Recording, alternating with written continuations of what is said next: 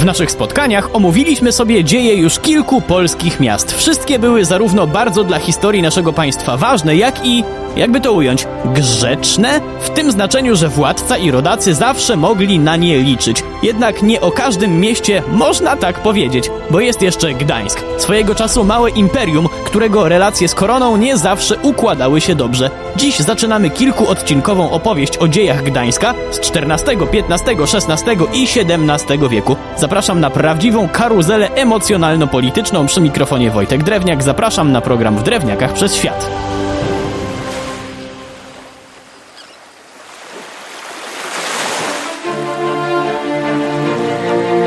Opowieść o potężnym Gdańsku wypada, moim przynajmniej zdaniem, rozpocząć od wyjaśnienia, jak to miasto doszło do potęgi, a raczej jak z potęgi awansowało do turbopotęgi, bo w latach 1454-1466, czyli w okresie wojny trzynastoletniej z Krzyżakami, Gdańsk był już bardzo ważnym miastem portowym. To jednak ten konflikt miał rozbujać karierę tego miejsca. O co chodziło?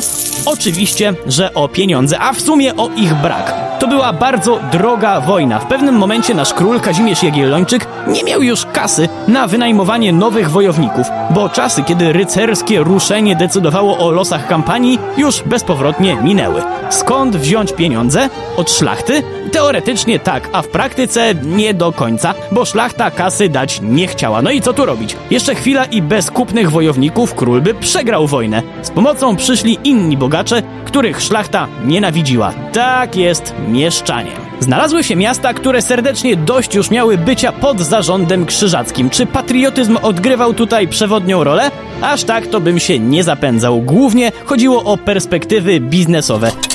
To głównie z tego powodu między innymi gdańszczanie wyrazili nie tylko zainteresowanie dołączeniem do Polski, ale też wyłożyli wielkie pieniądze na zakup armii. Kluczowy port na Bałtyku w granicach królestwa, kasa na wojska na lądzie i na rozpoczęcie budowy floty. Takie okazje nie zdarzają się często i Jagiellończyk postanowił owy prezent od Gdańska wykorzystać.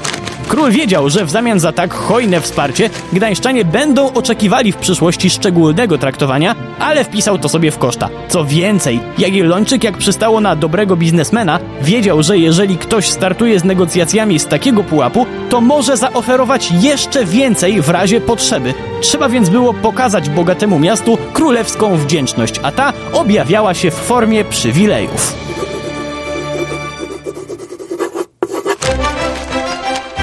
Privilegia Casimiriana, czyli zestaw ulg dla Gdańska, który był rozszerzany przez dwie kolejne dekady, sprawił, że miasto stało się potęgą, a inwestycje w wojnę trzynastoletnią można śmiało zaliczyć do jednych z najlepszych w historii świata.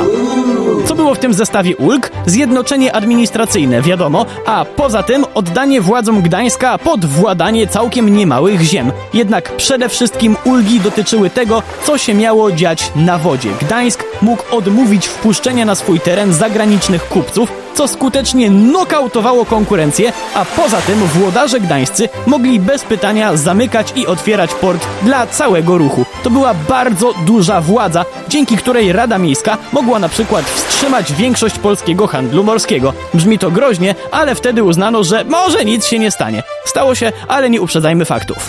Tak czy inaczej, Gdańsk, który na mocy przywilejów zgarnął monopol na handel morski polskim zbożem, stał się małym imperium. Handlarze i elity wyszli na tym układzie wybitnie, co dało się szybko zauważyć w tym, jakie rezydencje zaczęły się w mieście pojawiać. Głównie przy do dziś pięknej ulicy Długiej. Pięknej właśnie dzięki obłędnie ozdobionym kamienicom, które wewnątrz robiły jeszcze większe wrażenie. Często same drzwi zdobione wyszukanymi herbami stanowiły małe dzieła sztuki, a po ich przekroczeniu i znalezieniu się w sieni, to już co wrażliwsi musieli usiąść na chwilę z wrażenia. Bo większości z nas sień kojarzy się z takim małym przedsionkiem w wiejskiej chałupie, gdzie zawsze jest trochę brudno, a za drzwiami czasem stoi miotła. Nie wiem, może ja mam takie wspomnienia tylko. W każdym razie sień w domu bogatego gdańskiego włodarza albo biznesmena była często najbardziej reprezentacyjnym miejscem. Tam gospodarz witał gościa, a otoczenie miało wręcz krzyczeć: Jestem bogaty, proszę się ze mną liczyć! Były więc piękne schody, drogie meble, rzeźby, tkaniny za roczną krajową zwykłego rzemieślnika i ogólnie wszystko, co najlepsze. A kolejne pomieszczenia też nie były oczywiście powodem do wstydu dla gospodarza, chociaż często nie trzeba było tam iść i biznes dogadywano właśnie w sieni. Elit gdańskich z XVI wieku miały też w standardzie takie rzeczy, które może i dziś są standardem, ale o których nie śniło się wtedy większości ludzi, w tym dużej części szlachty, bo mowa tutaj nie tylko o ogrzewaniu, ale i o kanalizacji. W takim miejscu to pewnie z dużą przyjemnością się nie tylko mieszkało, ale i pracowało, prawda?